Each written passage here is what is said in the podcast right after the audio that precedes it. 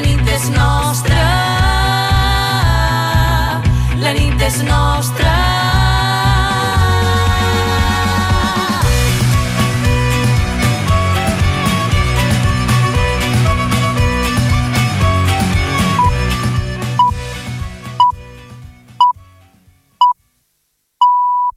És la una del migdia.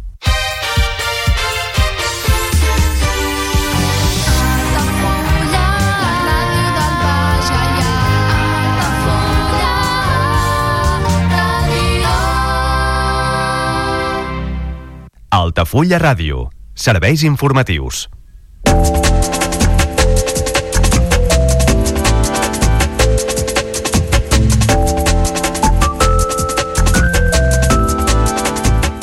Altafulla inicia a finals de mes la seva activitat promocional a Fires amb la visita a Navartur. L'objectiu d'aquestes accions és fidelitzar un públic de proximitat i donar-se a conèixer entre potencials visitants de la resta de l'Estat. La reparació de la coberta de l'Institut d'Altafulla està gairebé enllestida. Les obres s'han desenvolupat segons la planificació prevista i no han afectat el desenvolupament normal de les classes al centre. L'Escola d'Adults d'Altafulla ofereix cursos subvencionats per treballadors autònoms i persones a l'atur. La formació està dirigida a fomentar l'ús de les eines digitals a l'àmbit laboral i als negocis. I el Carnaval arriba aquest dimecres a la Biblioteca d'Altafulla amb el Papito. El personatge de la Pepi Miró explicarà als més petits què és aquesta celebració i com n'és de divertit disfressar-se. I en successos us expliquem que sis persones han estat detingudes en un operatiu antidroga a la Pobla de Montornès, Torre d'Embarra i també Torreforta. En total, els agents han participat en set escorcolls per desmantellar un grup dedicat al tràfic de drogues. I més successos, en aquest cas una actuació conjunta dels Mossos i la policia local de Torre d'Embarra que permet detenir un home pel robatori violent de 1.800 euros. Els fets van tenir lloc l'1 de febrer quan el lladre va cometre el furt mostrant una navalla a la víctima. A Creixell es convoca el tercer Premi Margarida Aritzeta Vila de Creixell de novel·la criminal. L'Ajuntament de la Vila també convoca el segon concurs juvenil de relat de misteri Creixell Crims per joves d'entre 13 i 18 anys. I aquest dimecres és el segon dia de concentracions eh, per part dels pagesos catalans després d'una primera jornada intensa. Al Camp de Tarragona va haver talls a Vilarrodona i Montblanc i les afectacions han tingut lloc a la P2, la P7, la C14, la C51, l'ENA 240 i també la 420. I també els pagesos es eh, donen un ultimàtum a la Generalitat per resoldre els problemes de rec al Baix Camp. Argumenta que depenen de l'aigua de Riu de Canyes i que es troben en una situació crítica i que difícilment podran suportar una altra temporada igual.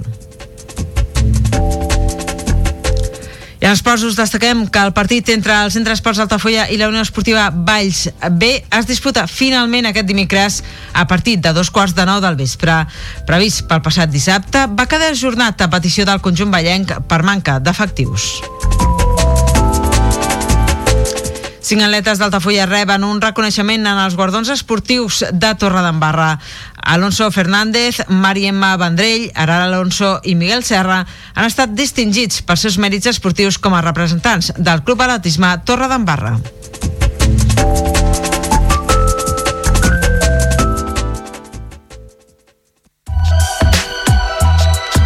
Altafulla Mar Hotel. Esdeveniments familiars, comunions, batejos i casaments i reunions d'empresa. Sales privades amb llum natural, terrassa i accés al jardí, des de 10 fins a 200 assistents. Altafulla Mar Hotel, el teu espai de confiança per a les teves celebracions familiars al barri marítim d'Altafulla. Demana pressupost sense compromís trucant al 977 65 11 55. Altafulla Mar Hotel. Altafulla Mar Hotel patrocina l'informatiu.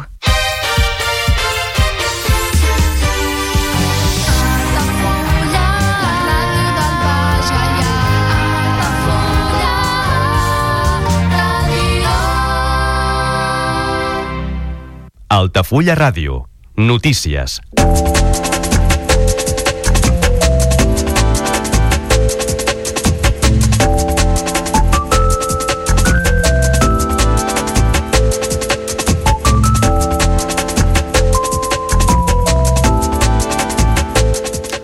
L'àrea de turisme de l'Ajuntament d'Altafulla està immersa a la preparació de l'activitat promocional externa de la vila. S'inicia una nova temporada en aquest àmbit i cal atendre les obligacions d'assistència a fires que poden representar un trampolí per donar a conèixer la destinació altafullenca. La primera fira de l'any està a punt d'arribar. És la de Navartur, a Pamplona, on Altafulla hi assistirà de la mà dels municipis de costa del Baix Gaià, com són Torredembarra, Creixell i Roda de Barà, a més de Tarragona. Es tracta d'una fira, com explica el regidor de Turisme Tomàs Serra de dimensions reduïdes i adaptada en allò que busca Altafulla. Es busca, doncs, un públic de proximitat i el que poder fidelitzar directament, ja que són les persones individuals i no pas els turoperadors els principals destinataris d'aquest certamen que tindrà lloc els dies 23, 24 i 25 de febrer a Pamplona. Sí, bé, aquesta és la fira que se celebra a Pamplona del 23 al 25 de febrer i bé, Altafulla participa perquè creiem que és una fira que està adaptada al nostre municipi, és una fira més de petit format, eh, és una fira que busca turisme de proximitat, eh, turisme de Navarra, Basc i Aragonès, i entenem que és més adaptada al nostre municipi.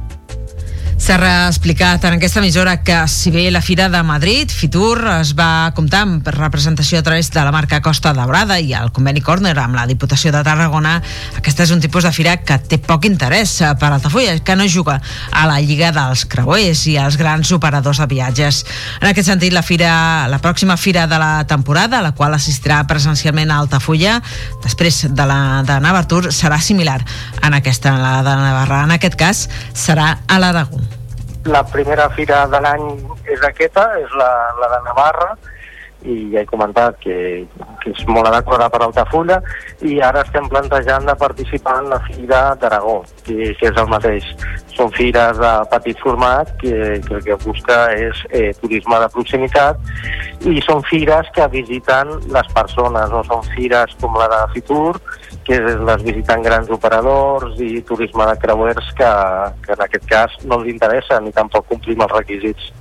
Serra valora molt positivament l'assistència en aquest tipus de fires més adaptades al model de turisme familiar i de proximitat que té Altafulla i és per això que també es va decidir que enguany no s'assistiria a la Fira d'Andorra, ja que no compleix amb els objectius plantejats.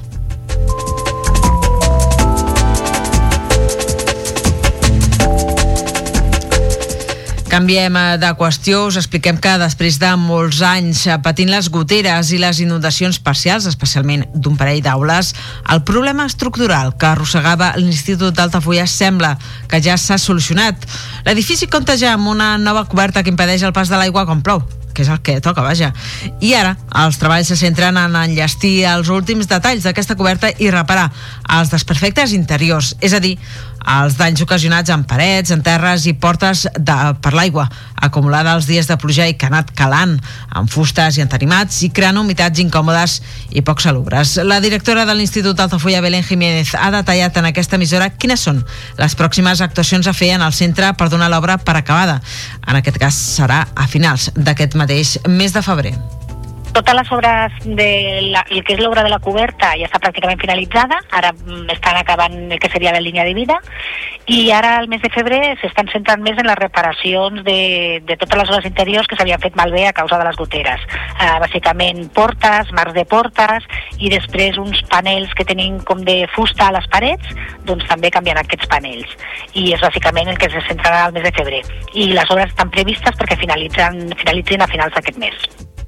Jiménez s'ha mostrat satisfeta del desenvolupament dels treballs de reparació que diu no han afectat el dia a dia del centre i que, més enllà d'algun soroll puntual, no han suposat cap trasbals organitzatiu i les classes s'han pogut fer amb normalitat tot el que és dintre de la vida de centre, les obres finalment pràcticament no s'han notat, val? tot i que a començament nosaltres doncs, teníem les nostres prevencions, eh, no s'ha notat. O sigui, realment només hi ha hagut alguna mica de soroll en moments puntuals, però molt petit que permetia igualment fer classe. En aquest sentit, sí que és veritat que, que, a veure, que ha funcionat molt bé la, les obres amb la continuïtat de les classes, no hi ha hagut cap problema. Al final de les obres coincidirà també amb les habituals jornades de portes obertes que s'escauen sempre abans de l'inici de les preinscripcions escolars. Unes jornades previstes per l'inici del mes de març en les quals el centre, aquest centre ja comptarà amb tots els espais malmesos arranjats i llestos per passar revista.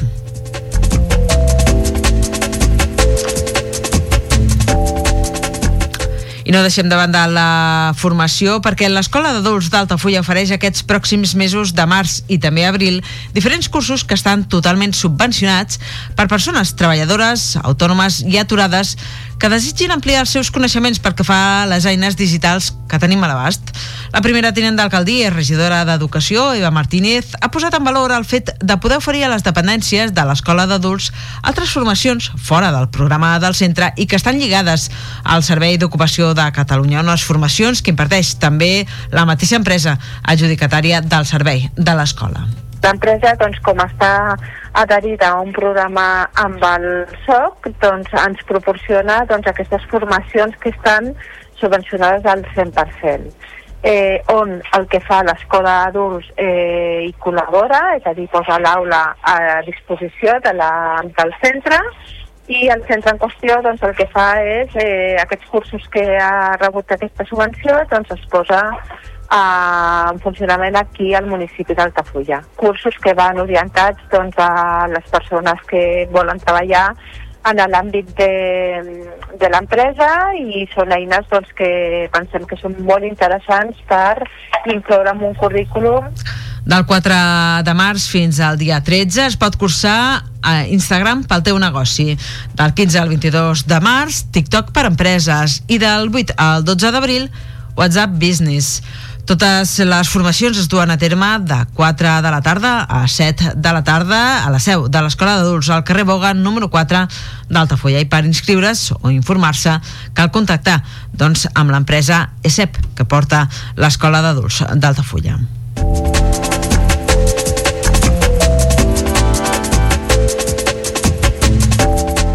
I aquest dimecres a les 5 de la tarda, totes les famílies que desitgin passar una bona estona escoltant històries poden fer-ho a la Biblioteca d'Altafulla amb el Papito com a protagonista. Com és habitual, el tastet literari de Carnaval el posarà la veterana contaire i veïna d'Altafulla Pepi Miró a través del seu personatge més famós, el Papito. Les aventures d'aquest nen endinsaran tothom a la màgia del Carnaval i de ben segur provocarà moments entranyables i també diversió i riures. Els més petits descobriran com n'és de divertit disfressar-se i convertir-se per unes hores, per una tarda o per un dia, en una persona totalment diferent a un mateix, posar-se una màscara i un vestit i experimentar i somiar amb ser un bomber o una metgessa o una escaladora. A més, a la història que explica aquest dimecres Miró, en concret, els nens descobriran què li passa a en Pepito quan es posa una disfressa màgica amb un barret que no pot treure's. En fa 5 cèntims la mateixa autora, la Pepi Miró. Doncs és, és la història del Pepito, que com sempre li passen coses, i eh, llavors té que tocar, toca un barret, que és un barret de bruixa, que està prohibit tocar-lo, i ell agafa i se'l posa i es converteix en bruixa. I llavors és tota la història perquè entre els seus amics i, i, i una fada que hi ha perquè el Pepito torna a ser el Pepito una altra vegada i així té, té un final feliç eh? i el conte es diu La disfressa màgica i surten tots els personatges i tot plegat de la veu de la Pepi, que sempre es posa a la butxaca als més petits i també als adults, gràcies a les seves històries i a la manera que té d'explicar-les. I a més, eh, avui, aquest dimecres, a més, amb l'ajuda d'unes eh, marionetes fetes pel Salvador Gatell, especialment pels contes de la Pep Miró. La cita, doncs, és aquest dimecres a la tarda, a partir de les 5 a la Biblioteca Municipal d'Altafulla, al carrer del Vinyet. L'entrada és lliure i gratuïta.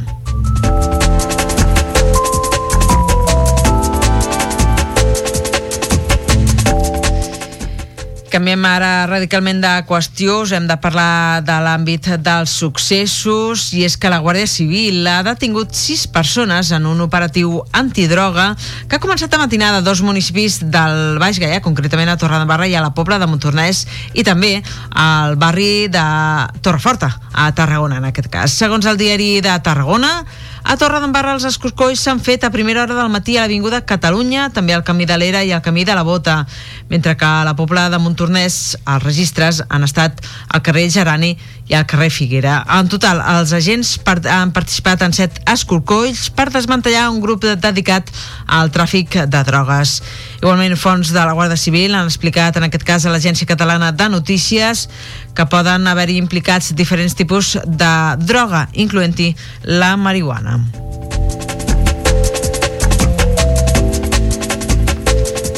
No deixem a l'àmbit dels successos perquè una operació conjunta dels Mossos d'Esquadra i la policia local de Torredembarra ha acabat amb la detenció amb la detenció d'un home com a presumpte autor d'un robatori violent en una fruiteria al carrer Antoni Roig. Els fets, ens expliquen, van tenir lloc l'1 de febrer al voltant de les 4 de la tarda quan el lladre hauria sostret 1.800 euros que la víctima portava a la bossa, mostrant-li una navalla. Tot seguit va fugir en direcció a l'estació de tren portant una maleta amb rodes. Gràcies a la descripció de l'home que havia fet la víctima, la policia va esbrinar que l'individu havia estat a l'estació preguntant pels trens amb destinació a Gijón. Finalment, al voltant de tres quarts de cinc de la tarda, els efectius policials van detenir el presumpte autor dels fets. En el moment de la detenció només li van trobar 200 euros i no portava pas cap navalla.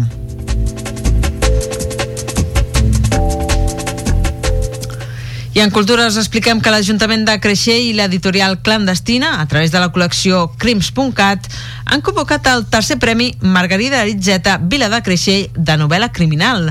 La presentació de les obres originals es tancarà a les 12 del migdia del dia 10 de maig d'enguany. Els interessats a participar-hi han d'enviar-les, han d'enviar aquestes obres a l'adreça de correu electrònic premis arroba creixellcrims.cat.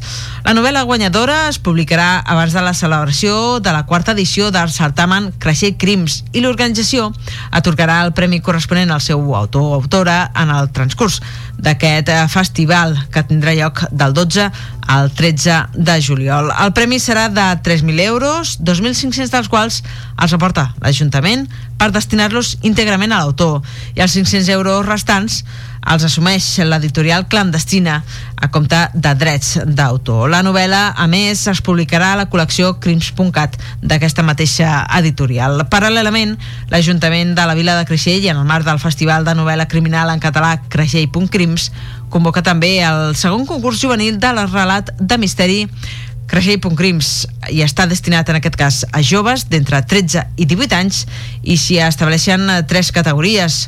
Una per alumnes de primer i segon d'ESO, és a dir, de 13 i 14 anys, per alumnes de tercer i de quart, de 15 i 16 anys, i per alumnes de batxillerat, d'entre 17 i 18 anys. La data límit per entregar els treballs també és la mateixa que el certamen Margarida Aritzeta, per tant, a les 12 del migdia del 10 de maig han d'estar entregats eh, tots els treballs que vulguin eh, participar, en aquest cas també enviant un correu electrònic a l'adreça premis arroba creixequims.cat.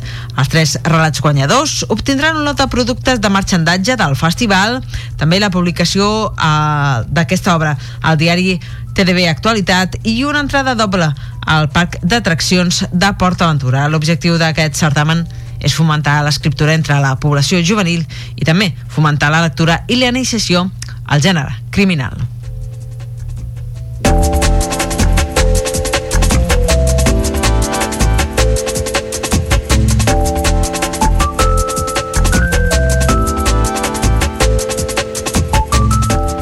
Fem ara una petita pausa per la publicitat. Tornem de seguida amb més actualitat de la resta del Camp de Tarragona i també l'actualitat esportiva. Fins ara.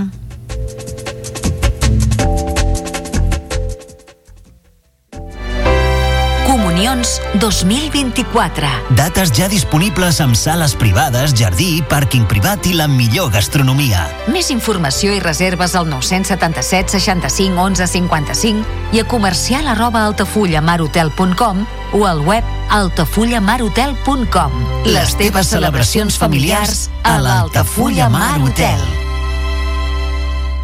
Ja coneixes les propostes que t'ofereix el Club Marítim Altafulla? Vine i descobreix totes les nostres activitats. Sortides en caiac o pa del surf, cursos de vela per a totes les edats. No t'ho perdis. Club Marítim Altafulla. Obert tot l'any i per a tothom. La pilota torna a rodar i el centre d'Esports Altafulla a jugar una temporada més a Altafulla Ràdio. Els groc i negre reben el filial de la Unió Esportiva Baix en el primer partit de la segona volta al Joan Bijuan per intentar fer bo el punt obtingut a Vallmoll amb la cinquena plaça a l'horitzó. Aquest dimecres, a partir de dos quarts de nou de la nit, segueix el partit en directe a través del 107.4 de la freqüència modulada, al web 3 www.altafullaradio.cat, l'aplicació per a dispositius mòbils o la televisió digital terrestre. El futbol més modest sona a Altafulla Ràdio.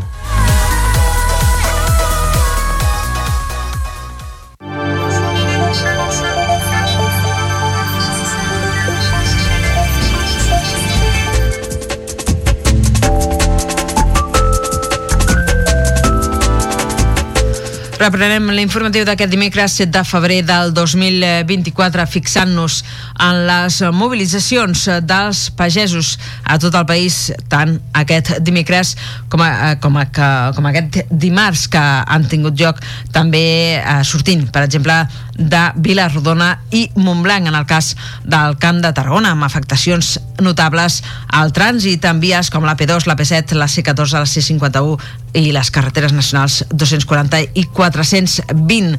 Unes concentracions impulsades per la plataforma 6F i que compten amb el suport del sindicat agrari Unió de Pagesos. Aquestes arriben després de les protestes de les últimes setmanes també a França, Alemanya, els Països Baixos i altres punts d'Europa i es produeixen també arreu de l'estat espanyol. Motivacions que han portat els pagesos a protestar doncs són múltiples des de l'augment de costos de producció, la gestió de la sequera i l'obligatorietat de presentar un quadern de camp digital, la burocràcia que lamenten els pagesos haver de fer per dur a terme la seva feina. És, de fet, aquesta burocràcia, aquest quadern digital, una exigència de la Unió Europea indispensable per poder accedir a subvencions. Així ho ha explicat el responsable d'Organització d'Unió de Pagesos, Josep Carles Vicente. Eh, estem ja fent molt de temps queixant-nos de la burocràcia. Ara hem vist la implementació de la PAC i la perversitat de tindre que fer eh, per poder rebre els ajuts. Per tant, ha canviat el paradigma i això més l'obligatorietat de ficar el quadern de camp que s'ha inventat al Ministeri d'Agricultura espanyol dient que és Europa qui obliga quan no és així el sector diu prou, hi ha un accés hi ha una angoixa per part del sector ramader de la burocràcia de les exigències eh, la llei de la cadena que no funciona que ens està deixant eh, davant de, de les grans eh, indústria, distribució, eh, diguem, in, amb una indefensió clara. El col·lectiu també demana posar fi als abusos que pateixen els petits productors que estan obligats a vendre per sota del preu de cost i volen també acabar amb la competència deslleial que diuen que fan els productes importats de fora de la Unió Europea. Així ho explicava el responsable d'un d'aquests eh, cultius d'una d'aquestes uh, produccions uh, petites, com és cultius La Puput d'Aigua Múrcia, és l'Omar, ho explicava en declaracions a l'emissora, en aquest cas, Ona la Torre o en contra de la normativa europea que solo hacen que perjudicar a los pequeños agricultores. O también los tratados de Mercosur, bueno, es muy conocido que pueden entrar productos por la frontera que no cumplen las normativas y entonces hay una desventaja respecto al producto de aquí, aparte del precio, pues la manera de producir. Entonces, pues bueno, desde la plataforma se pedía que volvieran un poco los aranceles, que volviera, que se priorizara el comercio local de, como estrategia de Estado. Les mobilitzacions eh, que estan duent a terme aquest mateix dimecres amb una tracturada que talla la... que complica, vaja, la circulació, en aquest cas a l'autopista AP7 que es dirigeix a la capital, a Barcelona.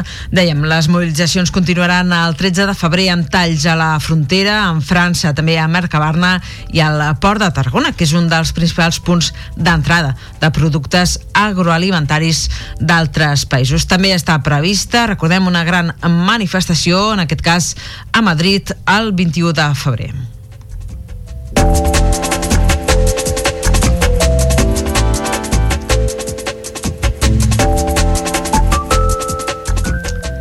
I obrim ara plana esportiva amb la prèvia del partit que es podrà veure aquest mateix dimecres al Joan Pijuan a l'estadi del Centre eh, d'Esports d'Altafulla. I és que el Centre d'Esports i la Unió Esportiva Valls B es juguen un partit corresponent a la jornada 17 del grup 17 de tercera catalana que estava previst, recordem, per aquest dissabte i que va quedar jornat a petició del conjunt vallenc per manca de futbolistes.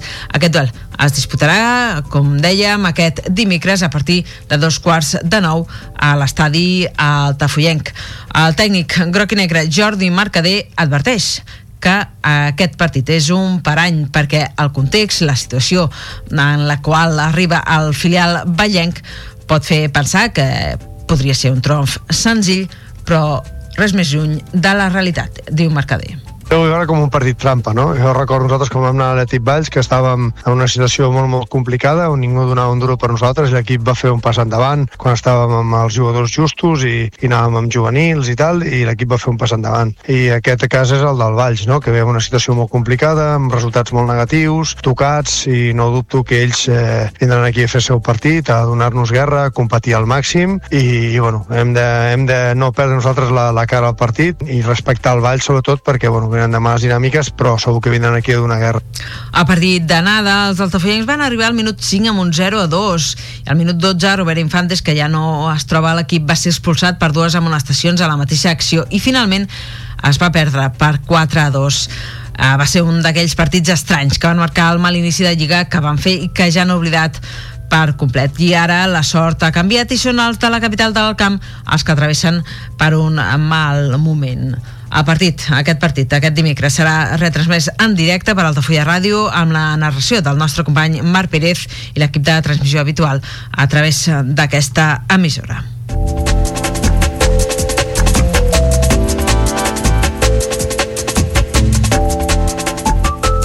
I ens fem ressò ara de que cinc atletes d'Altafulla han estat guardonats a la cerimònia d'entrega de guardons esportius 2022-2023 de l'Ajuntament de Torredembarra, que es va celebrar a passat divendres.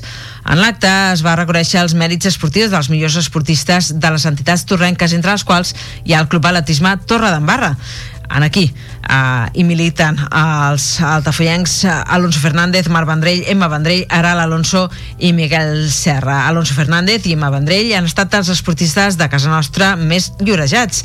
El primer presenta en el seu full de serveis el subcampionat en el 4x300 relleus del Campionat de Catalunya de pista coberta i del Campionat de Catalunya de relleus i l'or i el bronze en els 100 i els 300 metres respectivament del campionat territorial. La segona està premiada pel bronze als 3.000 metres del campionat de Catalunya, dues medalles d'or dels 300 i 1.000 metres del campionat territorial i l'or a la categoria infantil del campionat comarcal de cross del Consell Esportiu del Tarragonès. I per que fa a Marc Vendrell i Aral Alonso van obtenir la medalla de plata al Campionat de Catalunya de clubs en pista coberta i a l'aire lliure amb l'agrupació atlètica Catalunya, mentre que la primera també va assolir l'or a la categoria cadet del Campionat Comarcal de Cross del Consell Esportiu del Tarragonès. Eh, respecte a Miquel Serra, va ser subcampió de la categoria infantil de la competició de Cross del Tarragonès.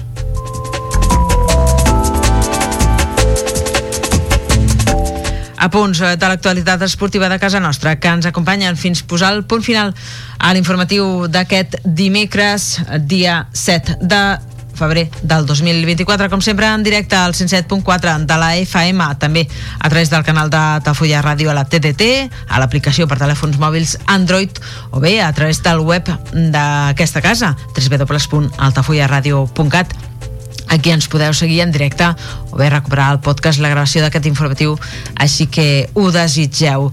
Igualment, a les xarxes socials Facebook i Twitter, o X, eh, com li vulgueu eh, anomenar, eh, està activa per portar-vos l'última hora del que passi a casa nostra. Eh, res més, des d'aquí, des dels estudis del carrer Marquès de Tamarit d'Altafulla, tot l'equip que fem possible aquest programa us saluda ben cordialment, en especial una servidora que us està parlant en aquests moments, la Carol Quota, que us envia una forta abraçada.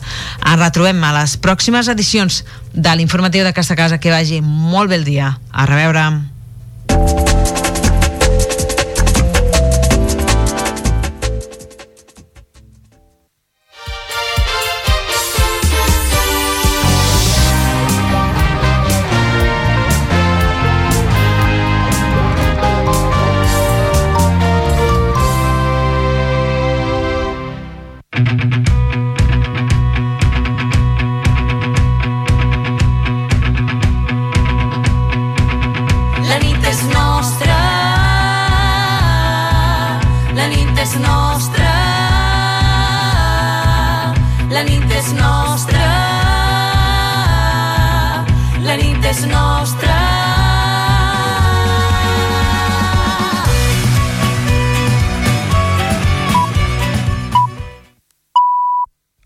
Altafulla Ràdio. La xarxa.